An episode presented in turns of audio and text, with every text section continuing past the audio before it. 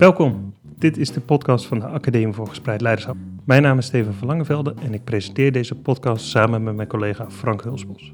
Voor we beginnen een kleine wijziging. In het gesprek zometeen doen we een mededeling over het VO-congres op 26 maart. Uh, helaas gaat het congres niet meer door vanwege het coronavirus.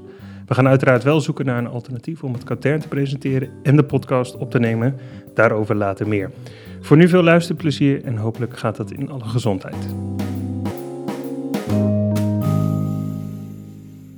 Vandaag zijn we op bezoek, Stefan, bij een andere Stefan. nou, Stefan Gijsbergen. Stefan, welkom in de aflevering. Dankjewel. Um, jij bent directeur onderwijs en kwaliteit bij Prico. Klopt hè? Prico is een vereniging voor christelijk onderwijs in Hogeveen. Ja, Jullie hebben 13 basisscholen in jullie vereniging. Ja. Um, wij kwamen jou op het spoor door een uh, blog op veres.nl en de titel van die blog was en we hadden het er net al even over in de voorbespreking. Je bent niet zo blij met de titel, maar toch.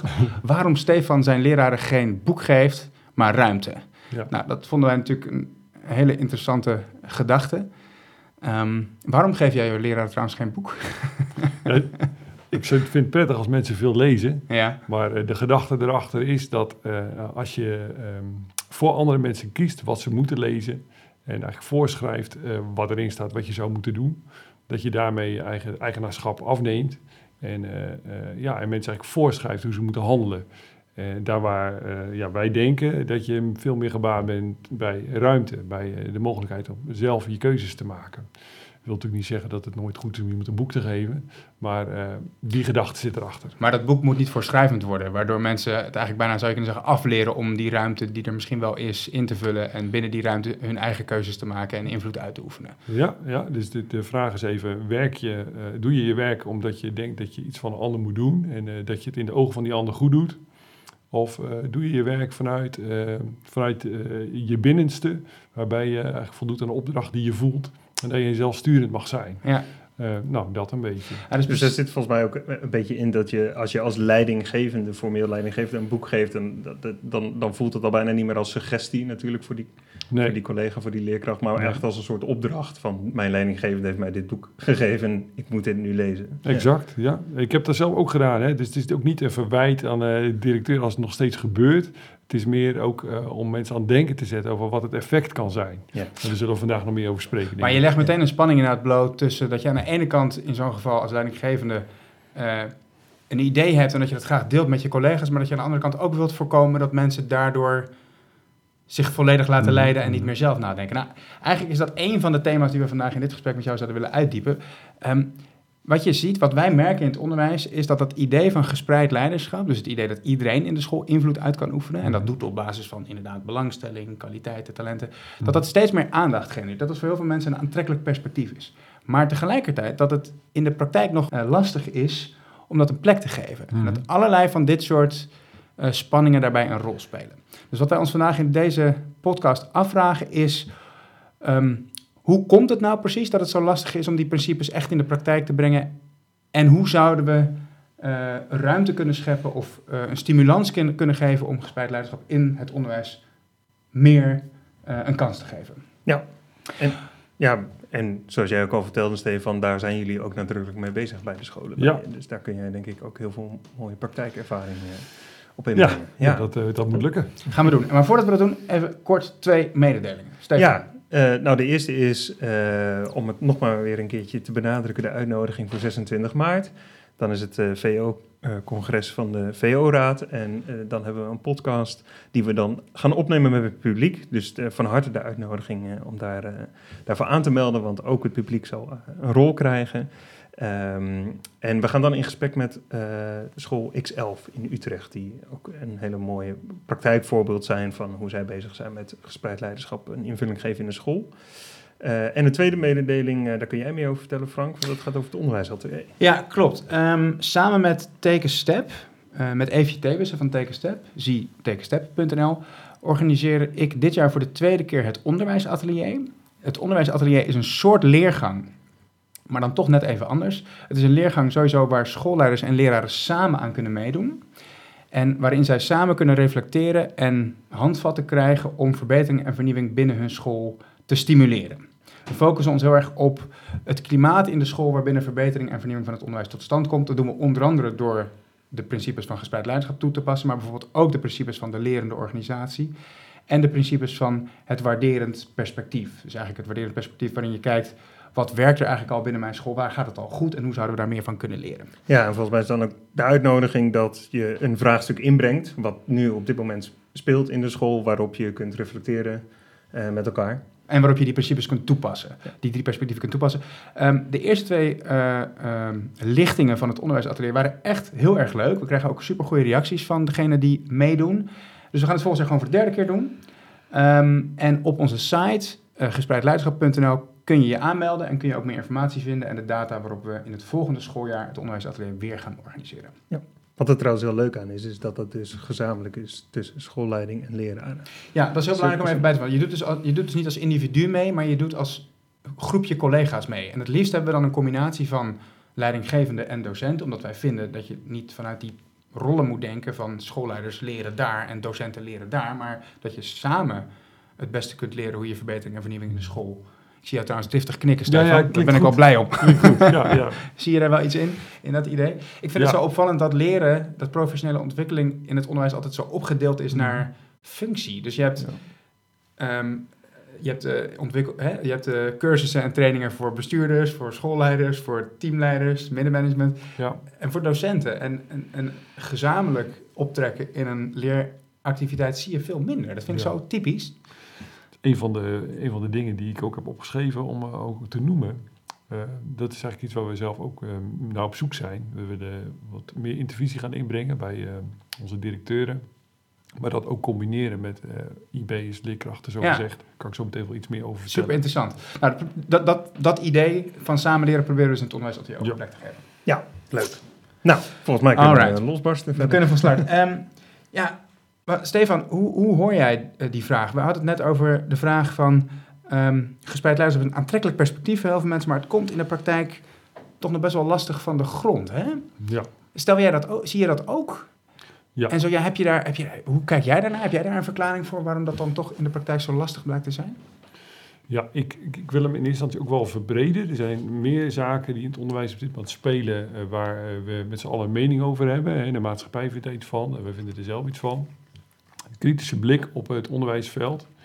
Uh, snel komt daar een oordeel uh, om de hoek kijken. Uh, leerkrachten doen niet zus, directeuren doen niet zo. Um, dus ik denk waar het zou mogen beginnen is dat je ehm, ehm, de problematiek die er ligt niet versimpelt, maar is een complexiteit wil durven zien. een mooi voorbeeld daarvan is denk ik de discussie rond werkdruk en de lonen, et cetera. Uh, natuurlijk zit daar een kern van waarheid in, is belangrijk om goed naar te kijken. Maar um, wil je de complexiteit van de ervaren werkdruk bij leerkrachten goed onder ogen zien, dan um, ben je er niet met uh, een uurtje vrijmaken voor administratief werk. Dan moet je veel dieper naar de problematiek kijken. Zo kijk ik ook naar uh, dit vraagstuk. Um, het oordeel ligt snel op de loer. mensen durven leiderschap niet af te geven of zijn ja. bang dat het niet goed gaat. Of de andere partij is niet ontvankelijk voor, heeft de tools niet of wat dan ook. Uh, terwijl, ja, ik ga er toch vanuit dat, dat alle mensen, zeker die in het onderwijs werken, hun hart op de juiste plek hebben en dat met volle overtuiging doen. En dat is ook goed willen doen. En dat op het moment dat dat niet lukt, dat het niet automatisch persoonlijk verwijtbaar is, maar dat je goed naar het systeem moet kijken waarin je samen functioneert. Een, simp een, simpele verklaring voor dat probleem wat we vaststellen zou bijvoorbeeld ook kunnen zijn, wat we best wel vaak horen, het idee dat sommige mensen gewoon niet in staat zijn om de leiding te nemen. Dus dat je zoiets mm -hmm. hebt als geboren leiders, Hmm. Mensen die dat gewoon kunnen. En, en dat er ook mensen zijn die liever sturing krijgen, liever leiding ontvangen. Ja. En dat is zo'n soort, dat is volgens mij een beetje zo'n zo'n verklaring voor het, voor het probleem van het ligt bij die persoon. Het, die personen hebben niet de kwaliteiten of de hmm. belangstelling om leiderschap op zich te nemen. Ja. Maar daarvan zeg jij dat is eigenlijk een beetje de versimpelde. Dat zou een ja. beetje een te versimpelde. Ja, dat nou ja, versimpeld in de zin van je, uh, wat je niet ter discussie stelt, is de wijze waarop je het samen hebt ingericht. Dus daarmee pretendeer je een waarheid te hebben, namelijk er moet een leider zijn en er moet iemand zijn die dat uitvoert. En, uh, en als je dat niet ter discussie durft te stellen, dan ga je steeds op zoek naar wat maakt nou dat dat niet werkt. Terwijl als je een stapje naar achter durft te zetten en je, je kijkt in de breedte naar de situatie, dan zijn er misschien andere dingen die in het oog vallen. En als jij een stapje naar achter zet, wat zie je dan? Dus, je, dus jij zegt eigenlijk, als je blijft redeneren vanuit het idee, er moeten leiders zijn die leiding geven aan medewerkers. Als je Ja, zo blijft bekijken, ja, dan blijf je aan dat systeem sleutelen. Maar je moet eigenlijk een stapje verder terugzetten ja, om het beter te begrijpen. En als je dat doet, wat zie je dan? ja. Als, je, als je dat doet, dan, eh, ehm, dan eh, springt de vraag voor mij in het oog, is eh, niet zozeer eh, ehm, wie geeft leiding aan wie, maar waar geef je leiding aan? Mhm. En eh, die vraag is eh, in mijn beleving onvoldoende beantwoord nog in het eh, veld waarin we werken. Ehm, als we kijken naar een schoolorganisatie en hoe we die samen hebben ingericht, dan spelen toch veel leentjebuur. Dus we kijken bij profitorganisaties of we kijken naar de dienstensector, bijvoorbeeld de zelfsturende teams, hè, net nog even genoemd. Ehm, en, en zoeken we daarin de zaken die voor ons zouden kunnen werken. Een veel gehoorde term die ik wel hoor is van, ja, we zijn natuurlijk geen, eh, geen, geen bedrijf, maar... En dan volgt Maar we moeten van, toch kunnen lean. wel, ja, Of we kun- moeten ja, toch zelfsturende teams. Bijvoorbeeld, ja. Hè, eh, Of toch agile. ja, ja, dat zijn dan de begrippen die, die, eh, die we voorbij horen komen. En die zijn niet automatisch slecht of zo. Het is prima om, om te leren van, van, van een ander type organisatie. Maar wat mijn zorg is, is dat, is dat daardoor het beeld ontstaat van een school als zijnde een, een onprofessionele organisatie die nog vooral heel veel te leren heeft van eh, zogezegd het bedrijfsleven of de dienstensector. Die dan wel professioneel zouden zijn. Exact. Daar waar ehm, je, je in mijn beleving best wel eens te maken zou kunnen hebben met een vrij unieke setting, met een unieke opdracht. En dat een unieke setting misschien vraagt om een eh, andere manier van, van organiseren. En eh, terugkomend op eh, het leiderschap en waarom dat dan eh, lastig is om te verdelen. Ehm, ja, misschien is dat wel gewoon mijn overtuiging, is dat je, eh, dat je eerst goed moet weten waar, waar je nou voor bent. En wat uiteindelijk eh, eh, de opdracht is die er voor jou ligt. En als je het over de, wat jouw op, dan heb je het eigenlijk over wat jouw opdracht als school is, hè? Als onder, of als onderwijssector, als je het nog breder zou trekken. Dat bedoel je daar volgens mij ja, mee, toch? dat, dat bedoel ik daarmee. Het is, in wezen kun je plat slaan. Er zitten kinderen op een school en die moeten zo goed mogelijk les. En daar is denk ik alles mee gezegd. En dat moet er dus gebeuren. Maar wat maakt dan de school uniek? Want je zou kunnen zeggen, als het doel van het onderwijs zo duidelijk is, ze, ze moeten les krijgen, ze moeten iets leren. En dat wat ze moeten leren, dat kunnen we ook nog bepalen eh, op centraal niveau. Eh, Daar hebben we ook eh, onder andere natuurlijk de overheid voor die, daar, Ja. die daarvoor zorg draagt. Dat is toch eigenlijk een hele heldere organisatie.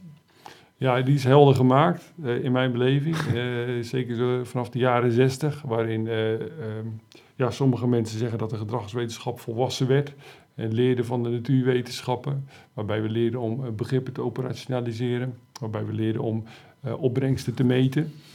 En, en dat is ook heel krachtig. Hè? Toen zag je een beetje dat positivistische Ja, exact. onderzoeksparadigma ja, postvatten in de sociale wetenschappen, de gedragswetenschappen. ja. En het is Hè, ook- en dat zeg jij, dat heeft zich ook vertaald naar de praktijk van het onderwijs. In die zin dat het ook ons beeld van wat een school is, ja. mede heeft bepaald.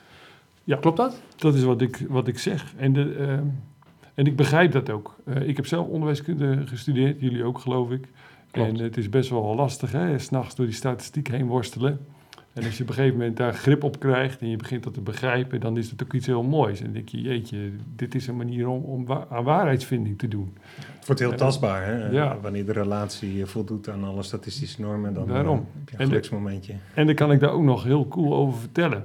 Met eh, allemaal moeilijke woorden. Om een ander te overtuigen van eh, hoe, eh, eh, hoe waar het is wat, wat ik gevonden heb.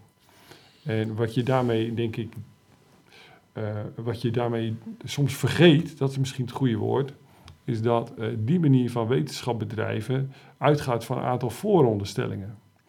En eh, wat we denk ik niet te weinig meer doen, is die vooronderstellingen ter discussie stellen in, eh, ehm, in de huidige gang van zaken. En we zien het nu in de literatuur wel. Hè? Dus eh, Jan Brandsen, die, die, die vind ik een prachtig boek schreef over de, de, de macht van de experts. Eh, Je bedoelt eh, gevormd of vervormd?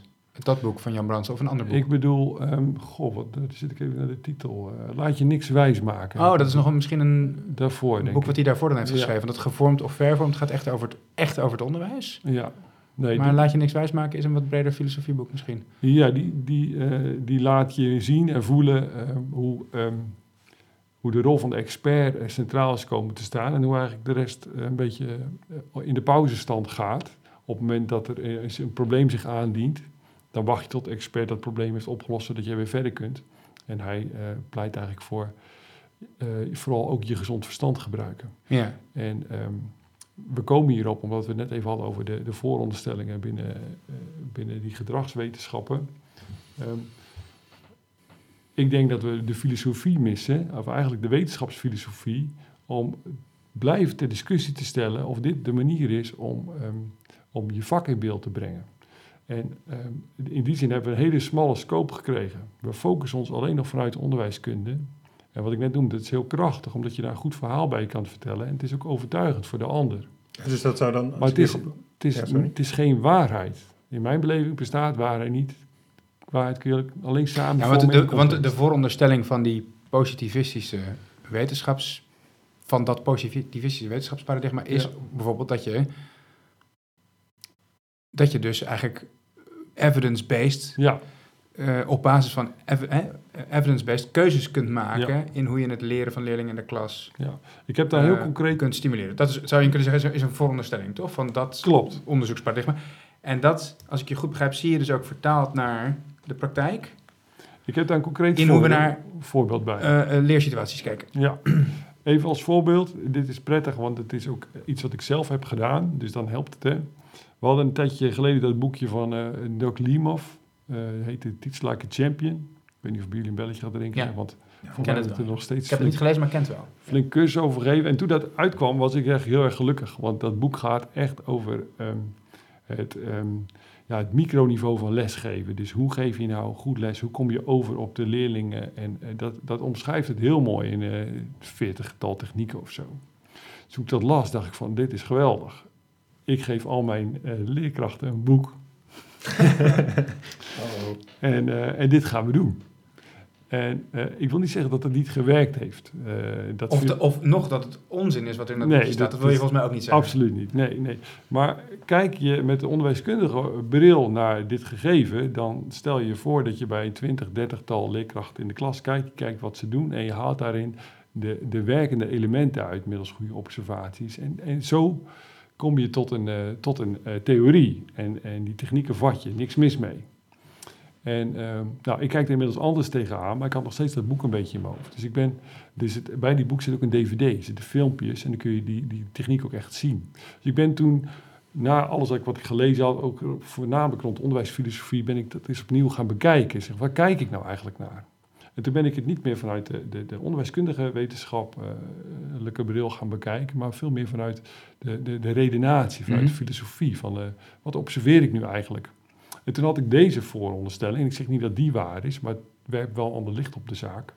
Dus ik zie mensen heel goed lesgeven. Daar, eh, daar kom ik niet aan. Dat zag er goed uit. En die technieken zag ik ook werken. Maar eh, er viel bij mij in het hoofd eh, de volgende zin is van... Het is misschien niet zozeer die techniek die werkt. Het is misschien een leerkracht die heel veel ruimte krijgt om zelf te bepalen hoe hij zijn, zijn, zijn, zijn werk vormgeeft. Welke keuzes die maakt op welk moment en welke technieken die dan misschien toepast. Ja, en dat dat werkt. Dus dat het niet zozeer die techniek is Aan die zich. interessant is, maar dat het is de ruimte die je krijgt om zelf je keuzes te Als het de maken. techniek, sorry, als het puur de techniek zou zijn die het succes zou bepalen, dan zou dus bij wijze van spreken iedereen die de techniek zich eigen heeft gemaakt, los van wat voor persoon dat is, Ja, die techniek kunnen toepassen en dan succes boeken. dat is de vooronderstelling zoals zo'n boek in de markt gebracht wordt. Ja, dus dat... Misschien is dat samen te vatten met dat je het terug kan brengen tot wat je moet doen. Maar volgens mij wat jij zegt, het gaat er eigenlijk om wie het doet. Wie je doet. En ook, eh, dat is zeker zo, daar komen we straks in, denk ik toch sowieso nog wel op. Maar voornamelijk ook dat je zelf keuzes maakt. Dus wat, het is wel fundamenteel. Hè? Dus als je allemaal aanneemt, deze technieken werken, die gaan we leren. Dan gaan we mee aan de slag. Of je zegt, nee, we moeten leerkrachten de ruimte geven Ja. en de tijd om zich te ontwikkelen. En ze gaan zelf hun keuzes maken. Dat zijn twee totaal verschillende Maar werelden. De, de link met leiderschap en de- met de vraag die we eh, aan het begin van de podcast centraal stelden, is volgens mij, als ik je goed begrijp, dat op het moment dat je het leraarsvak dus heel erg benadert vanuit die positivistische kijk, Mhm. en dus eigenlijk een soort instrumentele blik ook hebt op het leraarsvak. Mhm. Hè, dus eh, zorg ervoor dat ze evidence-based technieken kennen en die kunnen toepassen. Mhm. Dan stimuleert dat de kwalificatie van de leerling. Ja. Een beetje in het beeld van Productieproces. van, ja, van het productieproces, Ja. even korter de bocht gesteld. Als dat het beeld is van het leraarschap, Ja. dan, maar misschien ga ik hier iets te korter de bocht, dus vul me vooral aan, dan creëer je dus ook een leraar of professionals die het steeds minder goed bekwamen om hun Ja. eigen werk ter discussie te stellen. Ja, Daar vragen over te stellen. Een afweging te Eh, maken. eh, eh, hè, dus die afhankelijkheid van die expert die je eerder ook al noemde. Mm. Die expert zou de onderzoeker kunnen zijn. Of Wordt de, pedagoog. ja, noem maar op. Hoe, hoe meer je daar afhankelijk van wordt, Ja. omdat dat instrumentele perspectief zo dominant is in jouw school, Ja. hoe minder je zelf ook zult ontwikkelen als leider. Hè? Of als iemand die invloed uit kan oefenen, of kan zeggen, nou, volgens mij klopt het niet wat we, hoe we het hier doen. We moeten volgens mij een andere... Ja, je- is, dat, is dat wat je bedoelt te zeggen? Die laatste zin is echt eigenlijk de kritische pedagogiek hè, die je dan mist. En eh, ja, wel een stokpaardje die ik heb. Wacht even, die, die laatste zin, dat is de kritische pedagoog bedoel je? Ja, die zegt, het klopt niet wat we hier doen. Exact. en eh, en ja, die is wel, denk ik, eh, is nagenoeg verdwenen. Dus zie je de leraar als, even, ik doe het even kort het bocht, maar misschien helpt dat om een beetje duidelijkheid te hebben, Mhm. als de, de uitvoerder van instrumenten die elders zijn bedacht, Mhm. of als de kritische pedagoog die zijn Ja. werk ter discussie stelt en zelf Ja, ik denk dat we, technieken ontwikkelt die passen bij zijn Ja. situatie. ik denk dat we de, de, de, de praktijk ingericht hebben op eh, de eerste versie. Ja. En, eh, en dat we graag de tweede versie eigenlijk langzaam, ste- maar langzaam maar zeker steeds beter voor ons zien. Ja. En dan zit je met, eh, ik zeg altijd het verhaaltje, we zijn misschien niet helemaal goed ingericht om, eh, om te doen wat we zouden willen doen. En En daar zit hem de uitdaging, ook voor het leiderschap. Want jij, Stefan, grappig, want jij bent zelf eigenlijk ook docent, hè? Dus weliswaar niet in het basisonderwijs, nog in het voortgezet onderwijs, maar je werkt als docent bij eh Fondis, Ja, klopt. een hogeschool in Tilburg. Herken jij de vaststelling van, of de vaststelling, de observatie van Stefan? Dat, je, dat, dat, dat, hoe dat hè, dus de, de, de observatie dat dat leraarsvak zo instrumenteel bekeken wordt? Ehm, ja, en ik ben dan trouwens ook nog eens docent bij pedagogiek, dus dan eh, helemaal een dubbele laag. Ehm, nou, ik denk dat ehm, mijn ervaring bij docent zijn op een hogere school, op de hogeschool, daar nog wel veel ruimte is om het als docent zijnde in te vullen. Als die kritische pedagoog? Ja, als die kritische pedagoog. Nu denk ik ook dat het te maken heeft met het feit dat ik bij pedagogiek zit. Dus dat daar de rolopvatting automatisch natuurlijk ingegeven wordt vanuit het vakgebied. Ehm, ehm, maar ook daar merk ik overigens wel dat ehm, bijvoorbeeld als het gaat alleen over hoe studenten binnenkomen met het beeld over wat een docent is. eh, daar, daar merk ik eigenlijk ook al een grote spanning. Dus dat, dat studenten mij zien als een alwetend persoon die in alle gevallen goed en fout eh, kan onderscheiden en ze dat kan vertellen. Bij uitstek in een vakgebied waarin je kan, dus niet kan spreken van, van hele duidelijke goed en fout. Dus eh, op het moment dat je in zo'n beoordelingsrelatie komt, hou, merk ik dat studenten zichzelf klein houden. En ik denk dat dat, ehm, dat diezelfde tendens ook in, in andere vormen van onderwijs zeg maar, ook zichtbaar is. Dus dat ehm, mensen maken zich ondergeschikt aan een ander. En hetzelfde gebeurt dan voor de leerkracht richting schoolleiding of bestuur. Ik maak me ondergeschikt Of aan een jou ander type en- expert, als we even de algemene term van expert. Dus de, de, de, de, het, het je ondergeschikt maken aan die expertrol, hè, wat jij Mhm. noemde. Ja, en dat, kan natuurlijk, dat kan natuurlijk, dat kunnen allerlei mensen zijn. Nou, dat is denk ik ook te illustreren met dat wat je volgens mij ziet rondom passend onderwijs. Dat, ehm, dat eh, volgens mij is dat wat jij ook zegt, Stefan. We hebben wel voor ogen misschien meer het idee van de kritische pedagoog. En dat, zou ook, dat is eigenlijk ook de grondslag voor de keuze voor passend onderwijs. Om leerlingen, kinderen meer op, een, op de reguliere, in het re- reguliere onderwijs te houden. En tegelijkertijd zie je in de uitwerking in de praktijk dat, het, dat heel veel leerkrachten zich compleet onthand voelen om daarmee om te gaan. Dus dat ze in hun vakontwikkeling, in hun bekwaamheidsontwikkeling, geleerd eigenlijk zijn. Er is eigenlijk een heel klein clubje leerlingen wat ik kan bedienen. Op het moment dat er e- ook maar iets gebeurt wat daarvan afwijkt, dan heb, heb ik mezelf aangeleerd dat, dat ik dan naar een expert moet. Ja. En dat, die ex- dat ik het overdraag aan die expert, want die weet beter hoe die met dit type kind om moet gaan. Ja. Dat is eigenlijk denk ik daar een voorbeeld van. Ja, ja en dat, dat zijn niet altijd bewuste processen hè, waar we Nee. op moeten Het passen. is ook geen luiheid. Nee, nee, het zwarte pieten. Het is eigenlijk de, Ja. Hoe het, eh, wat er van komt. Ja, Waar moeten we zo oppassen? Je zei, we moeten wel oppassen voor. Ehm, de- dat, je,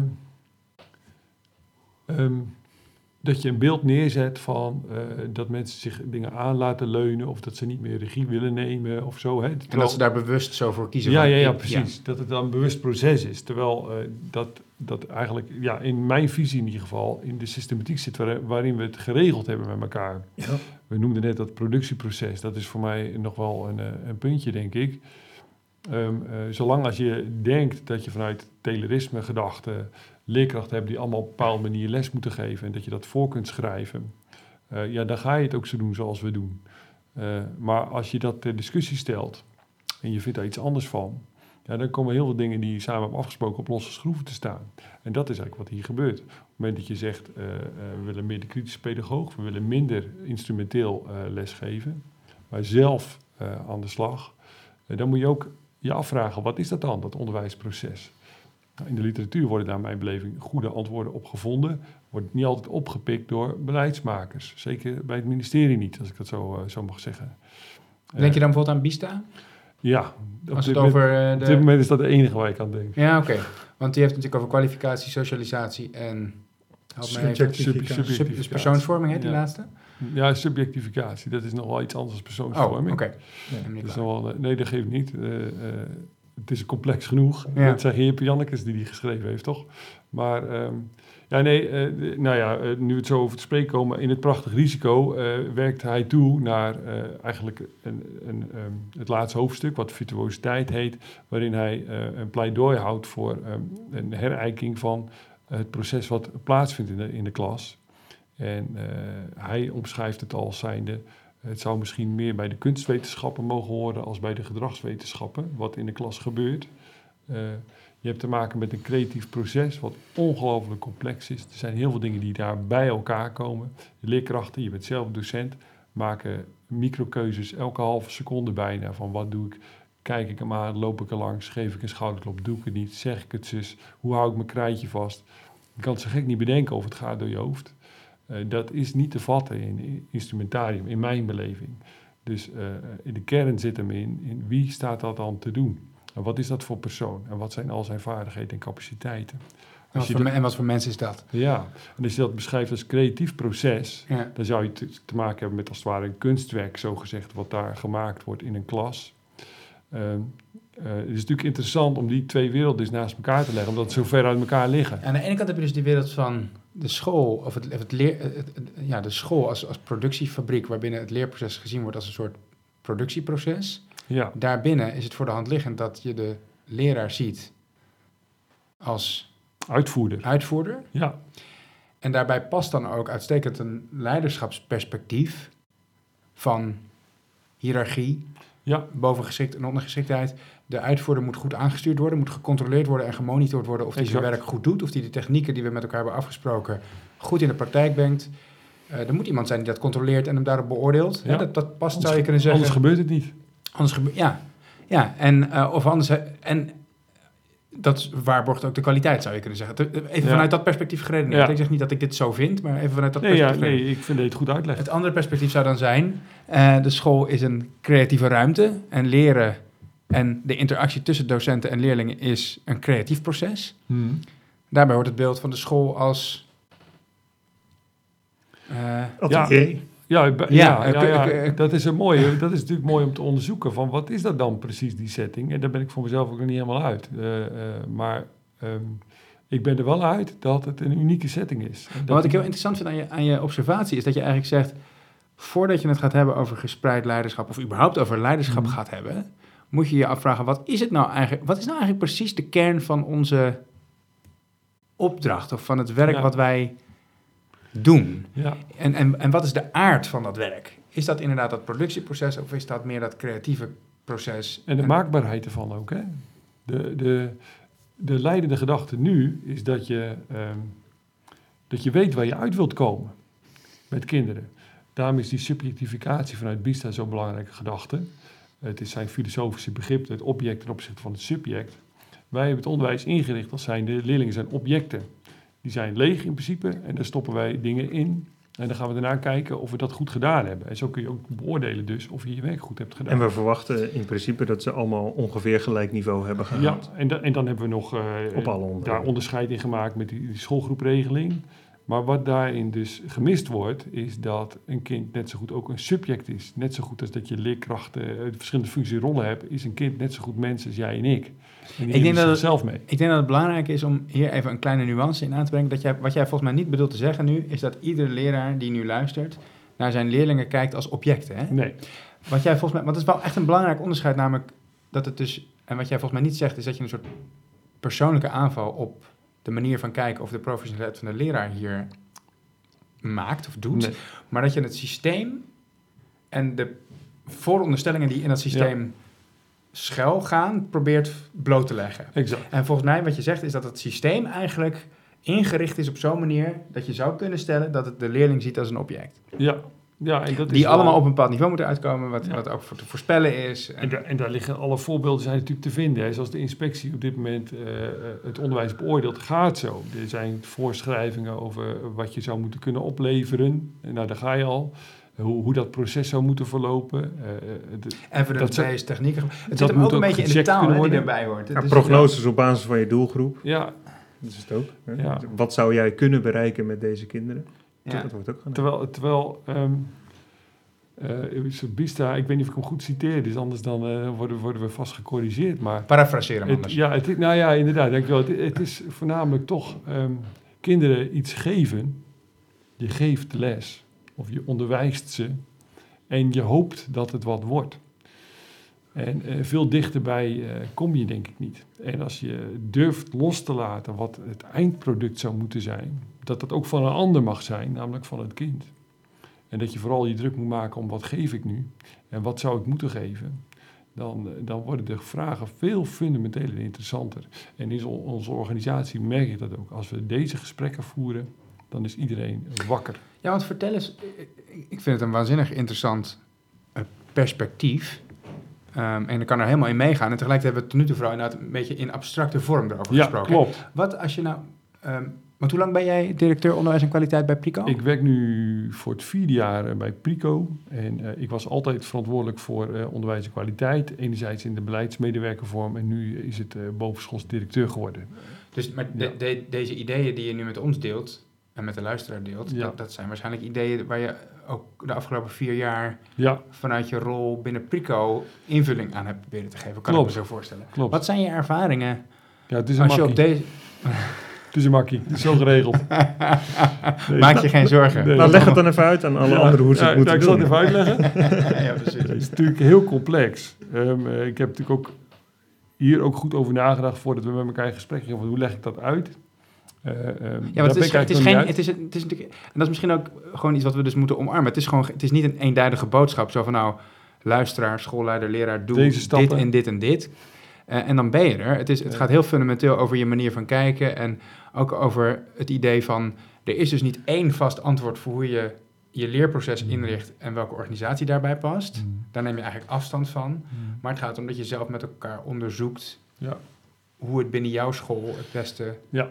Dus wat er het beste past. Hè? er zitten een aantal problemen aan dit geheel. Eh, we focussen ons ook op leiderschap. Hè? Dus wel- welke positie ne- neemt de leider dan in dit verhaal in? Ik zal eerst even kort vertellen hoe, hoe, dat voor mij, eh, hoe ik dat nu eh, doe. Eh, wat je vooral doet, is alle mensen in de organisatie meenemen in je eigen leerproces. Dus als het ware heb ik een klankbord van 290 man, zo moeten we het maar voorstellen. Dus dat vraagt, het vraagt in ieder geval van mij persoonlijk om zo open en eerlijk mogelijk te zijn over alles wat ik zie en wat ik hoor. En dat klinkt makkelijk, maar dat is heel moeilijk. Een concreet voorbeeld. Ik maak eh, bovenschoolse analyses van de resultaten. Dat betekent eh, alle rekenen, alle, op de basisvaardigheden. Maak ik prachtige grafieken van, schitterende lijntjes. En dat bespreken we met groep 8 leerkrachten. Wat ik in zo'n gesprek doe is... Dat is trouwens, een, zou je kunnen zeggen, een, Ja. een activiteit die een beetje past bij dat idee van de school als eh, productiehuis. nou, niet een beetje. zeg niet- maar gewoon volledig. Niet een beetje. Dat, past, dat, dat is het. Gaat het jou, maar dat, eh, vind je, dat, gaat jou, is dat niet heel onnatuurlijk dan voor jou? om Dat ging ik vertellen. Ja, Ja. oké. Sorry. Voordat je me onderbrak. ik laat dat zien aan de, aan de groep 8 leerkrachten. En eh, ik ondertitel dat met... Ik maak dit nu. Ik weet niet waar we naar kijken. Het hoort er op dit moment te zijn. Want de inspectie vraagt dat van ons. Maar ik vraag me sterk af of we hier iets aan hebben. Ehm, dan stel je jezelf, vind ik, heel kwetsbaar op naar eh, het leerkrachtenkorps binnen je organisatie. En sla je ook eh, een vaste bodem onder je voeten vandaan. Want daarmee geef ik aan dat het niet mogelijk is om weer resultaten in beeld te krijgen op dit moment. Terwijl dat, dat natuurlijk wel... Dat, dat het idee van de bijeenkomst is. Ja, en ook wel een beetje wat er van mij verwacht mag worden. Ja, als, eh, en dat is waarschijnlijk wat het zo lastig maakt, kan Ja. ik me zo voorstellen. Want jij Ja. bent toch als, of als bestuurder dan formeel verantwoordelijk dat Ja. die cijfers op orde zijn en dat die ook gedeeld worden en bekend zijn bij iedereen. Hè? Ik heb voor dat mezelf... we daar iets van betekenis aan kunnen Ik heb voor mezelf dat beeld erbij van, ik weet niet meer welke oorlog het was. Ik wil niet oneerbiedig doen hoor, maar ik weet gewoon niet meer waar ik die meneer zie met de microfoon die zegt het gaat hier allemaal goed. En dat achter hem de hele boel eh, aan gort geschoten wordt. Hè? Dat plaatje kennen jullie, eh, Ja. eh, dat Ja. interview. Ehm, ik wil niet die persoon zijn. Dus als ik weet dat het achter mij een chaos is en dat ik eigenlijk geen idee heb, dan wil ik dat ook gewoon graag kunnen uitspreken. Ja, En, eh, en daar begint het volgens mij. Nou, en wat je ook doet, want je- enerzijds zeg je, je, je haalt zeg maar de veronderstelling over wat resultaat en of dat meetbaar is Ja. eh, onderuit. Ja, Maar ook ehm, eh, de rolopvatting van wat jij, nog, wat jij kan doen als Ja. bestuurder. exact. Ook voor de mensen, dus voor de leerkrachten van, ja, de bestuurder die komt altijd langs om de resultaten te bespreken. Ja. Dat hoort bij de rol van de bestuurder. Ja. En jij zegt, ja, dat, dat kan ik niet doen. Nee, Eigenlijk want, zeg je, ik kan mijn werk. nee dus, en dat heeft ook alles te maken met die veranderende rol van leiderschap. Is, eh eh, Wout het Hart helpt ons een beetje hè, met taal is in de systeemwereld en de leefwereld. Ehm, op zich wel mooi, denk ik. Dat maakt het heel concreet. Eh, ik ben van nature alleen maar gericht in de leefwereld. Het enige wat telt bij ons is dat kinderen goed les krijgen. En alles wat we doen moet, daarin, eh, moet daar, eh, dat als focus hebben. En wat we eh, als organisatie steeds zoeken is... wat doe ik nu omdat het moet van een ander... of omdat ik me daarin opgelegd voel... of omdat ik dat doe omdat ik anders eh, gemoppen krijg. Nou, eh, geef een beetje naam. Allemaal dingen die in ieder geval niet gaan direct over het leren van Ja. die leerling. En, ehm, en, en wat daarbij hoort is dat je loskomt, dat je je losrukt als het ware. Misschien is dat wel wat emancipatie is. Dat je, dat, je, dat je opstaat en dat je dat ook zegt en dat je daarmee stopt. En het lastige is, er is geen weg meer terug. Je kunt niet eh, zeggen... Als je daar eenmaal voor Nee, je kunt niet het dan toch weer serieus gaan nemen. Dus ehm, eh, ehm, wij even als voorbeeld, wij doen audits, interne audits. Ik door mij ontwikkeld, maar ik heb ook mijn vragen bij. Is dit de weg? Ik geloof dat er een andere weg is. Maar wij hebben ook de regel, we gooien niks met het badwater weg. Eh, We gaan niet stoppen met dingen als we er niet iets anders voor hebben. Je moet niet naïef zijn, hè, zo gezegd. Ehm, eh, maar tijdens die, die, die, die bezoeken praten we ook altijd met leerkrachten. En er zijn scholen die zijn bijvoorbeeld begonnen met het presenteren van eh, resultaten aan elkaar. Hè. Dus, eh, de leerkracht die, heeft, eh, die, die laat zien wat zijn rekenresultaten zijn geweest, krijg je een schema, wordt dan kritisch bevraagd van, nou, hoe komt het dat het zo is gegaan, heb je daar gedacht, et cetera. Jullie kennen dat soort gesprekken ongetwijfeld. Allemaal met een positieve insteek, namelijk, je wilt van elkaar leren. Niks mis mee. Fundamenteel zijn mensen toch over het algemeen bang en onzeker. Doe ik het wel goed? Ja. Dus als ik dan de vraag stel aan deze leerkracht en zeg, wat is nou fijner? Dat die resultaten goed zijn als je staat te presenteren, of dat die resultaten slecht zijn als je staat te presenteren? Het is een makkelijke vraag. Hm. Dan mag jij raden wat het antwoord is. Ja, natuurlijk. Dat ze, dat ze goed zijn. Exact. En dan is direct de vervolgvraag is, wat heeft dat voor consequenties in je organisatie? Dus wat, welk gedrag eh, leidt dat toe?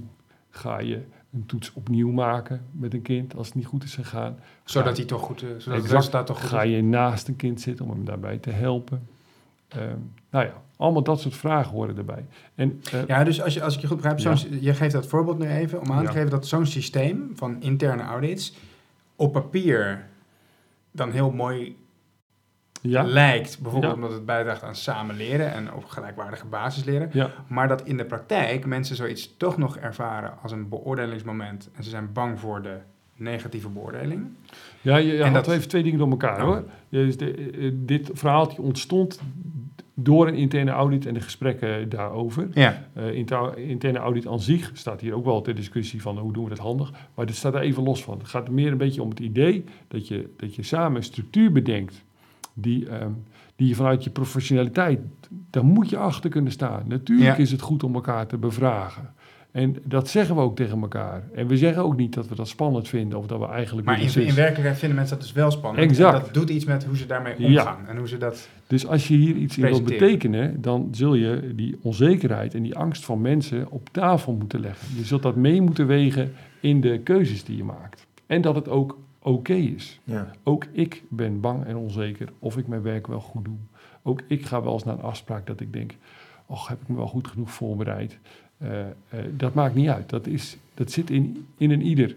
Dat is in ieder geval mijn overtuiging. En daarmee volgens mij denk ik ook dat je dus eigenlijk omarmt dat het werk fundamenteel onzeker is. Ja, Wat je net eerder schetste met eh, waar je Bista aanhaalde, dat hij zegt, je kunt hoogstens een soort uitnodiging doen eigenlijk naar het kind ja. om te leren, maar dat Ja. is ook het meeste wat je kan doen. Dus er Ja. blijft een onzekerheid, je hebt geen garantie Nee. dat. En dat is, ehm, hij doet het natuurlijk ook van de, de theologie en dat, daar ben ik ook wel in thuis en daar voel ik me ook in thuis. Dus dat geeft ook wel een veilige basis, is dat dat, dat ook oké is. Dat je daarin veel eerder ook het gevoel hebt van ja, ehm, eh, wat ik doe, doet ertoe. En veel minder in wat ik doe is niet goed genoeg. En dat laatste gevoel, doe ik het wel goed? Eh, dat knaagt zo bij, bij, bij, bij veel mensen. En dat is ook het probleem van leidinggeven natuurlijk. Op het moment dat je leidinggeven uit handen gaat geven en je hebt het gevoel dat dat niet goed komt, en wat doe je dan? Dan schiet je in de Dan besteed je het controlekramp. liever uit, ja. Ja. Eh, daar heb ik ook wel een mooi voorbeeld bij. Hè. De, de, een van onze scholen is bijvoorbeeld een keer zeer zwak geworden. We kunnen hier een boom opzetten over of dat, dat iets is wat echt bestaat. Maar goed, eh, laten we daar even van uitgaan. Ehm, ehm, eh, andere mensen zien dat. Die zien ook wat er op een school gebeurt als die zeer zwak wordt. Een directeur kan denken, dat moet ik niet hebben. Die is dus bang dat hem dat ook overkomt. Dat hij ook zwak wordt bestempeld. Ja. bestempeld. Wat gaat hij dan voor gedrag laten zien op de school om dat te voorkomen? En hoe hebben mensen daar dan weer last van? Zie je hoe die processen werken? Ja. En, eh, en het is heel, op heel veel plekken eigenlijk onbespreekbaar. En wat wij eigenlijk de afgelopen vier jaar proberen, is da- juist steeds Maar dat gesprek te Jij, voeren. jij zei net, Ja. eh, als je eenmaal die weg inslaat, kun je ook niet meer terug. Nee. En met die weg inslaan bedoelde je volgens mij, als ik het goed heb begrepen, het echt fundamenteel ter discussie stellen van de paradigma's, de Ja. impliciete aannames die binnen zo'n organisatie leven. ja, wat zitten we hier En- nou te doen met elkaar? De grote, je zou kunnen zeggen, de grote paraplu waar allerlei impliciete aannames onder vallen, ja, is het idee dat de school een, een, een productiehuis Ja. is waarbinnen je eh, op basis van enige voorspelbaarheid ja. en met behulp van uitvoerende Maakbaarheid. docenten, ehm, ja, eigenlijk, eigenlijk een maakbaarheidsgedachte, dat je Ja. dus leerlingen tot een bepaald niveau, hè, tot een Ja. bepaald meetbaar niveau kunt brengen. En dat dat, dat, dat, dat, dat, dat ook je opdracht is. Ja, En dat dat dus ook betekent dat je, als je het meet, dat dat de indicatie is van of je het wel of niet goed doet. ja. Dus de, de cijfers die er dan uitrollen, Dat is je kwaliteit. dat Juist. is je kwaliteit. En dat is natuurlijk volstrekte onzin. Ja, Simpel kan zat. ik- kan ik me wel bij En heel veel mensen zullen zeggen, ja, je hebt gelijk. Maar toch zitten we het met z'n allen te doen. Ja, en blijven we het ook doen. En, Ja. jij, en jij zegt eigenlijk van de afgelopen vier jaar hebben we dat, hebben we dat, dat grote idee, wat, wat, wat, wat, wat, wat, wat, wat vaak onbespreekbaar natuurlijk ook is. Hè? Ja. Dus ik bedoel, het gebeurt, er zijn zat scholen waar dit helemaal niet Nee, nee. ter discussie staat, überhaupt. nee. Maar dat hebben jullie, de af, jullie en dan bedoel je gewoon jij en je... Ja, nee, met z'n allen. Met dus je collega's? IB's, leerkrachten, maakt niet uit wie. Iedereen die hier mee kan praten, die doet dat. Proberen, te stellen. Ja, Door onder andere zelf ook dus je, je eigen vragen die je erbij ja hebt ik moet met de billen uit bloot. te spreken. Maar wat, Ja. wat, wat doet zoiets als je dat doet? Want ik kan me dus ook wel voorstellen... eh, kijk, ehm, eh, aan de ene kant je paradigma's onderzoeken... Hè, dus je impliciete aannames onderzoeken... dat Mhm. schept ruimte voor ontwikkeling. Mhm. Want dan, ga je dingen, dan ontstaat er een mogelijkheid om dingen ook anders te gaan zien. Dus om Mhm. even uit het beeld van die productiehuis te stappen... en Ja. het te zien als een creatieve leerruimte of zoiets. Ja, Maar het is ook natuurlijk heel erg spannend, want ja. die vaste grond. Kijk, een paradigma geeft ook richting en het geeft ook houvast en zekerheid. van, bestaan zo doen we het. Daarom zijn ze er. Ja, ja. Ja, pech gehad. Ja. Ja, nee, maar... eh, ehm, ehm, Wat gebeurt er in een organisatie? Wat gebeurt er binnen Prico? Nou, wat is er gebeurd met Prico sinds, sinds jullie dat zijn gaan doen? Ja, wat ik zeg is toch wel een beetje hoe het is. is eh, je hebt een leerproces als organisatie.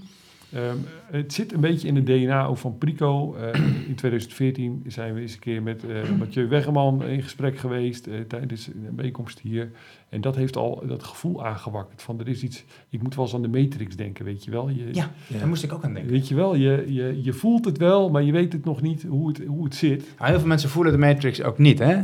Oké, Dus- Nou ja, dat is, Nee, het, ja, grappige- nee, dat, is- dat, is het mooie van de Klopt. Matrix. Omdat toch ja, dat is mijn, gewoon mijn favoriete film. Dus als, je, als iemand hem aanhaalt, dan wil ik er blijven doorgaan. Pas op. Nee, het interessante van de Matrix is dat heel veel mensen het dus niet nee, merken. klopt. Ehm, de- eh, maar dat het dus, maar dat, en de Matrix is eigenlijk, die, die- ja, dat is dus iets wat je wordt voorgehouden. Dat, Ja. dat, is, dat, dat is dat paradigma van dit Ja. is de wereld zoals die er is. Maar in feite is dat dus helemaal niet de wereld. Nee. En een aantal mensen voelen dat aan van, hé, hey, er klopt hier iets Ja. niet. En de- En dat is een mooi, wat dat is het een prachtige metafoor voor wat je omschrijft. ja, en het, het roept bij mij ook wel eh, een beetje op in de zin van dat, dat volgens mij ook een beetje moet oppassen dat het niet... Er is, de Matrix eh, in die metafoor, zeg maar, is Mhm. natuurlijk opgelegd door anderen.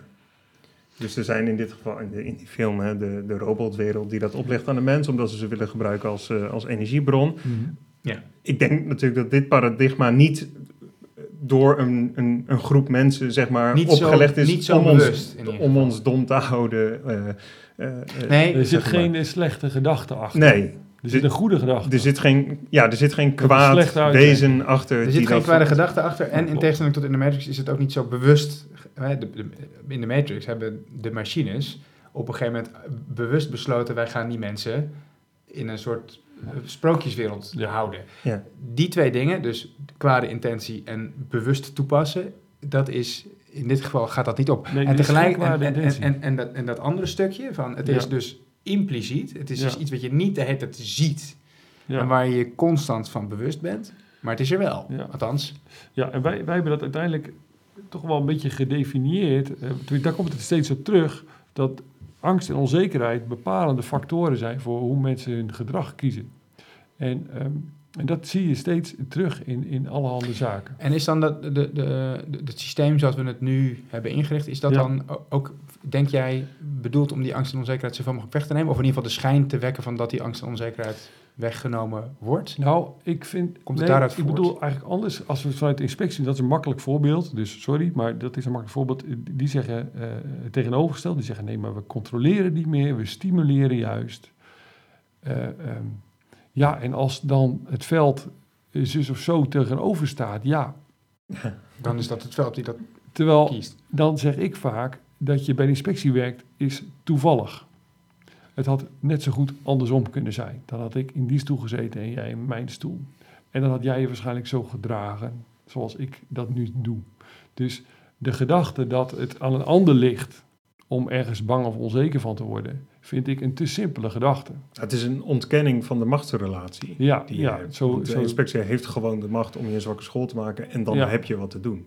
Ja, ja en, nou, en dat wil ik wel ter discussie. Maar dat is in ieder geval hoe het gevoeld wordt. Ja. En, eh, eh, dus, dus waar je, eigenlijk moet je ehm, ehm, ehm, vrij worden in je hoofd, vrij van, eh, van grenzen, om, om denk ik iets zinnigs te zeggen over wat je als organisatie zou willen doen. Dus eigenlijk moet je breken met alle kaders die er zijn. En dat is ook wat wij doen. Dus we, we stoppen met, met, met, met te geloven in die kaders. Dat wil niet zeggen dat je naïef bent. Eh, je, je, je moet geen 13 zwakke scholen krijgen, dat is niet handig, dat snappen we ook wel. Maar eh, het punt is wel een beetje, als je goed les geeft, dat het ook wel goed gaat met wat betekent dat nou precies, concreet? We, breken met die kaders. Ja. Geef eens een voorbeeld. Wat, Eh, met- nou, met, wat voor kaders breken jullie en welk gevolg heeft dat dan praktisch Ja. in die scholen? als we terugkomen op die resultaten bijvoorbeeld, als ik zeg, voor mij zijn de resultaten op, op, op de eindtoets onbelangrijk, dan, dan krijg ik de reactie, ja, maar de inspectie. En dan zeggen wij, daar stoppen we mee. Dus ik ben- moet dan het hitteschild zijn. Ja, de inspectie is voor mij. Eh, jullie moeten... Jullie moet je daar niet mee bezighouden. Nee, dat is wat je zegt. Maak je daar niet druk om, dat zeg ik daarmee. Eh, ehm, want wat, je, wat, wat daartoe leidt, is dat je, je je school gaat inrichten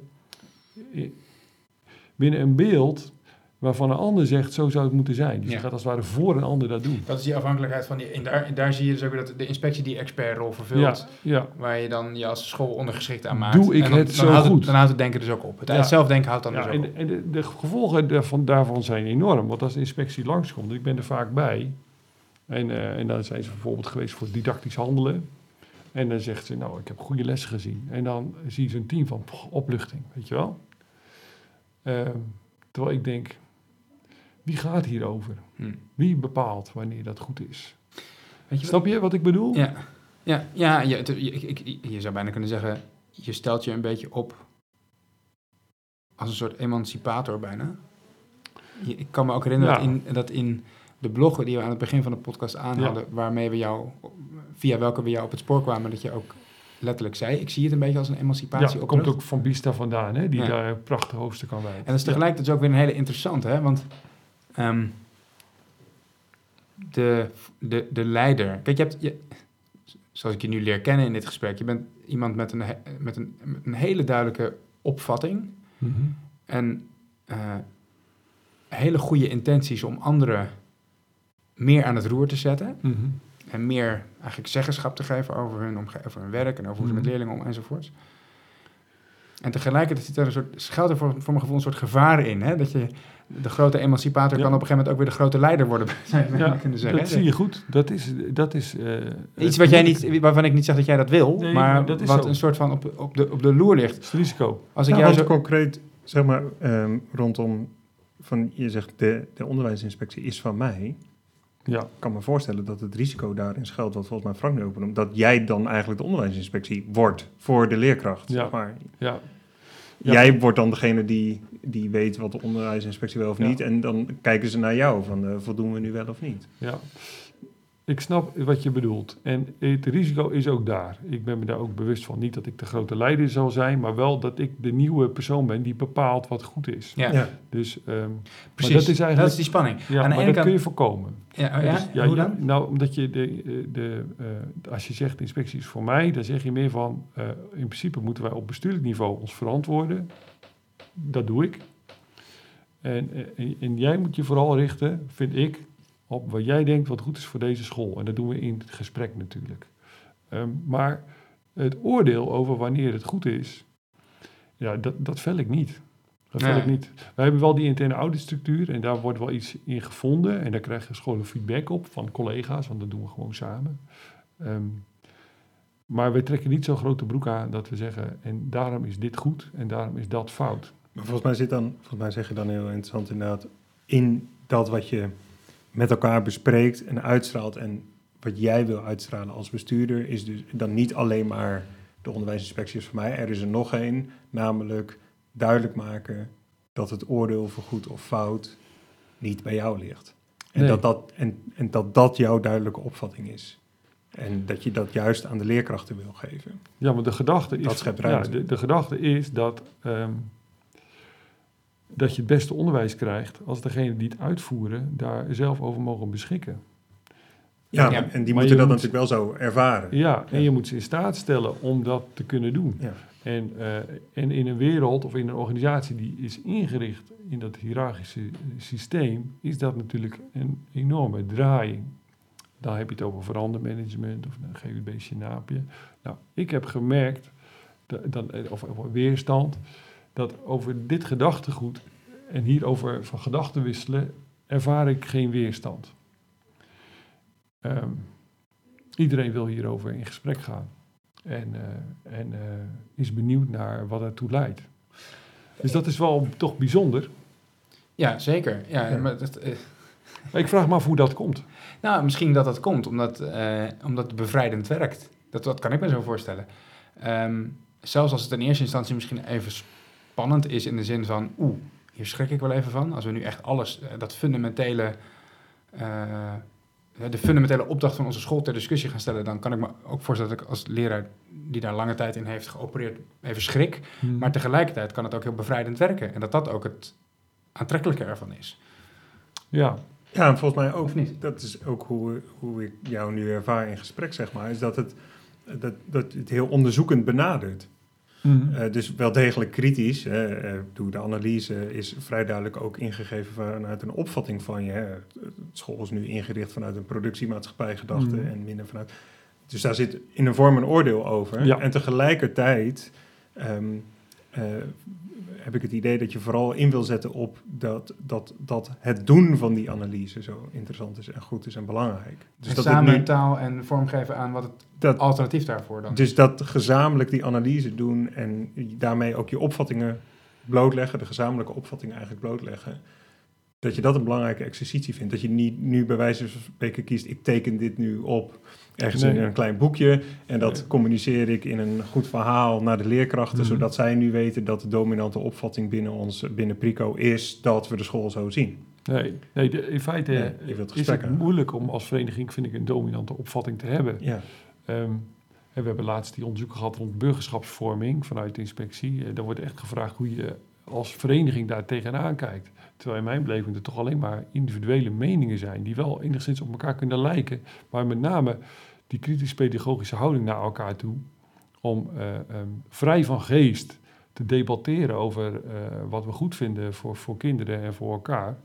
Ja, dat leidt volgens mij tot eh, beter onderwijs. Is het nou zo dat de fase, zeg ik maar zeggen, waarin jullie nu zitten, hè, de fase van ontwikkeling, om het maar even Ja. zo te zeggen, raar woord, maar goed. Nee, maar goed, wij zijn ook Voor- allemaal opgeleid met deze Ja, taal. je snapt wat Dus ik snap bedoel. wat je bedoelt. Eh, en, en, en wat is kenmerkend voor deze fase? Dat je heel erg bezig bent met het ter discussie stellen en samen onderzoeken van impliciete aannames, paradigma's binnen je organisatie. hè. Mhm. Dat, dat, dat zitten jullie nu in de afgelopen vier jaar. Of in ieder geval, er zit, Ja, ja. is dat nou iets wat constant zo zal blijven? Of, of denk je dat er een soort volgende fase gaat komen waarin Ja. je concreter wordt? Of waarin je een ander, een ander accent legt in Ja. je gezamenlijk onderzoek? Nou, nou ben ik natuurlijk vooral bovenschools gericht. Dus in die zin ben ik vooral met de directeuren in gesprek. En die doen dit gesprek dan weer op de scholen. Ik wil niet zeggen dat ik helemaal niet met leerkrachten spreek, zo is het niet. Daar daar zal ik zo nog even iets over zeggen, hoe we, hoe we die een stem geven in de organisatie. Maar ehm, eh, de kern voor bovenschool is eigenlijk dat je als directeuren samen hetzelfde ziet. Niet hetzelfde vindt, maar hetzelfde ziet. Dat je samen ziet hoe je ervoor staat. En dan gaat het voornamelijk ook over hoe ga je met elkaar om. Eh, geven we elkaar feedback en op welke manier gaat dat? Wat blijft hier onbesproken? Hoe komt dat, dat dat onbesproken blijft? Ehm, eh, het is misschien een beetje zacht, eh, de zachte kant, maar ik vind hem eigenlijk keihard. namelijk eh, ehm, dat je op een gegeven moment aan de vergadertafel zit en dat iedereen daar ook echt zit. En op dat moment met de dingen die op de agenda staan, dat dat be- voor iedereen belangrijk is. En dat is wat wij denk ik bereikt hebben de afgelopen vier jaar. En dat is denk ik heel knap. Ik ben er ook heel trots op Mm. dat we dat zo hebben.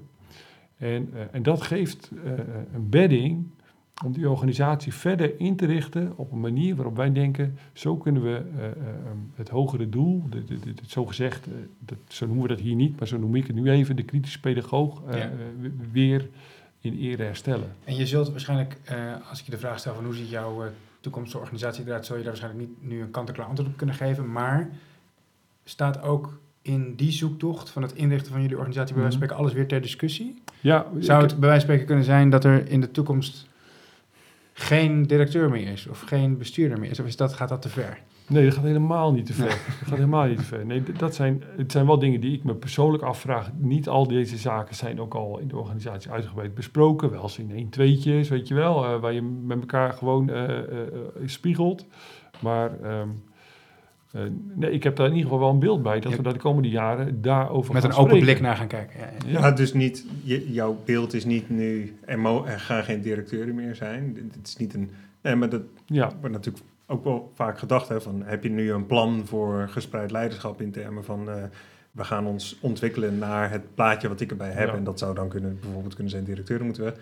Ook dat is eigenlijk iets wat te onderzoeken. Gewoon een van de punten die we moeten onderzoeken. Een van de opvattingen die we moeten En wat ik heel onderzoeken. interessant vind aan wat Stefan toevoegt aan mijn ja, kijk op de zaak, om het maar even zo te stellen, is, en ik merk dat ik dat, ik dat eigenlijk best wel weinig zie gebeuren en ook weinig zelf aanjaag in gesprekken met schoolleiders, dat je echt even heel fundamenteel gaat kijken naar wat zijn nou de, de paradigma's binnen onze schoolorganisatie van hoe wij kijken naar onze primaire opdracht. Hè? Hoe Mm. kijken we nou eigenlijk naar het leren van leerlingen? Hoe kijken we naar onze docent en onze docentrol? En welke onderliggende aannames zitten wij, eigenlijk? wij hebben een, de laatste twee dagen gehad. Daar was Gert Biesta een dag bij aanwezig. Ik kan het je aanraden. Ja, En, ehm, en daar ging het ook hier over, hè? Ja. over dat, dat productieproces. Maar met name de- het- wat centraal stond, wij noemen het gedeeld leiderschap, is, eh, eh, is eh, gedeeld leiderschap. wat betekent dat voor mij? Dat was het centrale thema. We hebben daarvoor, vorig jaar hebben we het instrumenteel gedaan. Hoe werk je dan met plannen, et cetera. Nu ging het over, wat heb ik dan als gereedschap te bieden en hoe moeten we dat inzetten? En dan krijg je dus de reflectie op dat productieproces. Hoe hebben we dat nu ingericht? En wat is dan mijn rol? Moet ik als directeur nog achter in de klas gaan zitten en iets van die les vinden?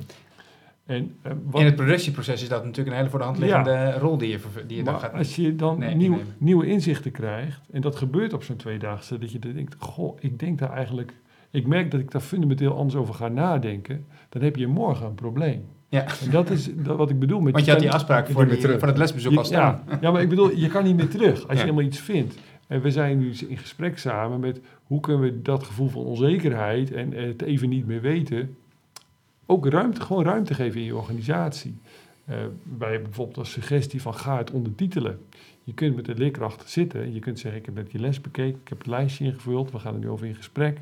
Als ik heel eerlijk ben, vraag ik me af of ik eigenlijk wel degene ben die met jou die, die gesprekken moet hebben. Misschien zouden we het anders moeten doen. Eh, maar we worden er volgens mij niet minder van als we samen gewoon eens spreken over hoe het lesgeven gaat. Dus dat gaan we nu even doen. Dan haal je eh, de waarheid eraf. In de zin van, Ja. ik, ga jou, ik ben degene die daar het meest verstand van hebt. En ik ga kijken of jij dat goed doet. Die, die veeg je weg. Dus zo zie je, het is subtiel, maar wel heel wezenlijk.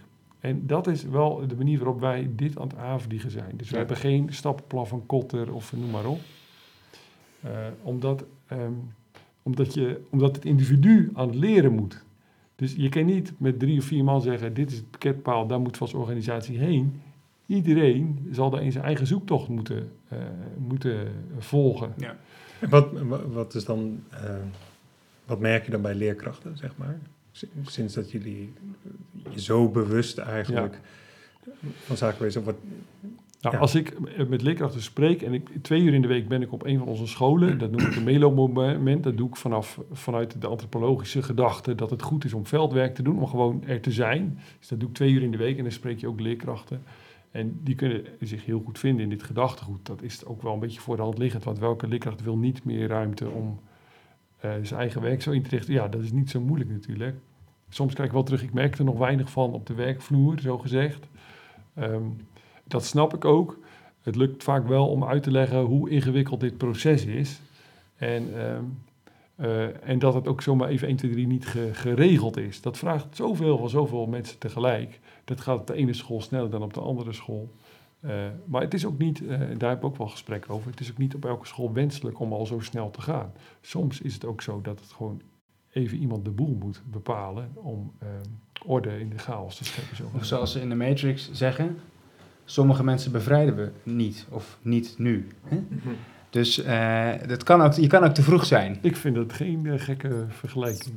nou, het doet mij ook denken aan onze vorige podcast en met, met, met Bob Stel. Dat, eh, eh, daar, daar constateren we eigenlijk samen met hem ook ehm, dat het heel erg afhankelijk is van de cultuur, zou je het even kunnen noemen, in de organisatie. Of, of, of een bepaalde interventie of een manier van werken passend is. Dus het kan heel erg passend zijn om iemand een hele eh, leidende rol te geven en echt in positie te brengen. Eh, en dat dat niet het leiderschap van anderen frustreert. En het kan ook wel zo zijn. En dat is dus afhankelijk van hoe het in zo'n school is. En dat is ook wat wij hier natuurlijk eigenlijk de, de hele tijd Ja. verkennen. Is dat er, is dus niet een blauwdruk voor. Het is een gevoeligheid die je moet ontwikkelen. En zoals ik jou volgens mij ook hoorde zeggen... dat moet dus in gesprek, in contact met... eh, Ja, niet één of een paar nee. personen moeten gaan bepalen voor de rest. En die hiërarchie moet eruit, hè? En dat Ja. is de moeilijkste. Ja, want die is er ook gewoon nog steeds. Dus Ja. die, die, die is aanwezig in het gesprek, zoals Ja. het voorbeeld wat je Maar, geeft. maar het moet voor mij mogelijk zijn om me en kwetsbaar op te stellen naar iedereen in de organisatie. En keihard de knopen door te hakken als het eh, moment daar is. Ja. En, eh, en zo moet het zijn. En ook vaak gaat het ook zo. Maar ehm, ehm, in essentie is het nodig dat iedereen in de organisatie zich uit durft te spreken. Voor, voor alles wat hij ziet en daarin geen belemmeringen ervaart. Ehm, en, en dat heb je nodig om samen die ontwikkeling aan te gaan. En dat vraagt van de leidinggevende het dialoog aan durven gaan, maar met name ook je kwetsbaar op durven stellen. Het is een beetje een misschien platgeslagen pad, maar... Nou, is- nou, Eh, zoals, we dat eigenlijk, eh, zoals je dat eigenlijk in dit gesprek de afgelopen eh, 60 minuten eh, ook hebt gedaan. Hè? Ik bedoel, Ja. heel openlijk eigenlijk durven twijfelen en je af te vragen of de manier waarop we het doen en de, de organisatie die we daaromheen hebben gebouwd, of die wel passend is bij wat we eigenlijk in de kern willen. Zouden we je, eh, Stefan, eh, nou ja, misschien over een paar jaar of zo nog eens mogen eh, spreken? Want dan zijn er vast weer stappen gezet Ja, geen probleem. ten opzichte het, eh, van nu. Zou Heel je dat leuk interessant. vinden? Ja, heel leuk. Om als een heel- terugkerende gast, vriend van de show, eh, komen. Ik zou het wel zien zitten, geloof ik. Ik vind het heel leuk om over deze onderwerpen te praten. Al is het alleen maar ook voor mijn eigen ontwikkeling. Om, eh, om, om, om, ja, te blijven nadenken over de- deze stof. Ja, dus hartstikke leuk. Eh, dankjewel Graag voor het gedaan. interessant gesprek. Ehm, eh, je luisterde naar weer een aflevering van de podcast voor, van de Academie voor Gespreid Leiderschap. Als je het leuk vond, laat dan een rating of review achter in je podcast-app. Als je vragen hebt of feedback, eh, mail ons dan naar contact.gespreidleiderschap.nl. Kijk ook eens op onze website waar je allerlei verhalen en praktijkvoorbeelden van gespreid leiderschap vindt, gespreidleiderschap.nl. Ehm, Ik, ik wil ook nog een suggestie doen, want eh, eh, veel van wat je vertelt, Stefan, doet me ook denken aan Hartger Wassing, die wij ook een keer in de podcast hebben gehad. Daar niet zozeer met hem over hebben gesproken, maar zijn werk gaat hier ook heel sterk over. Over kwetsbaarheid als bestuurder, het aangaan van de dialoog om macht te doorbreken. Een hoofdstuk wat hij heeft geschreven in ons boek ook. Dus als je daarin geïnteresseerd bent, dan eh, vind je daar eh, in het werk van En de aflevering met hem vind je dus ook op onze site gespreidleiderschap.nl slash podcast. Ja. Tot een volgende podcast. Tot de volgende keer.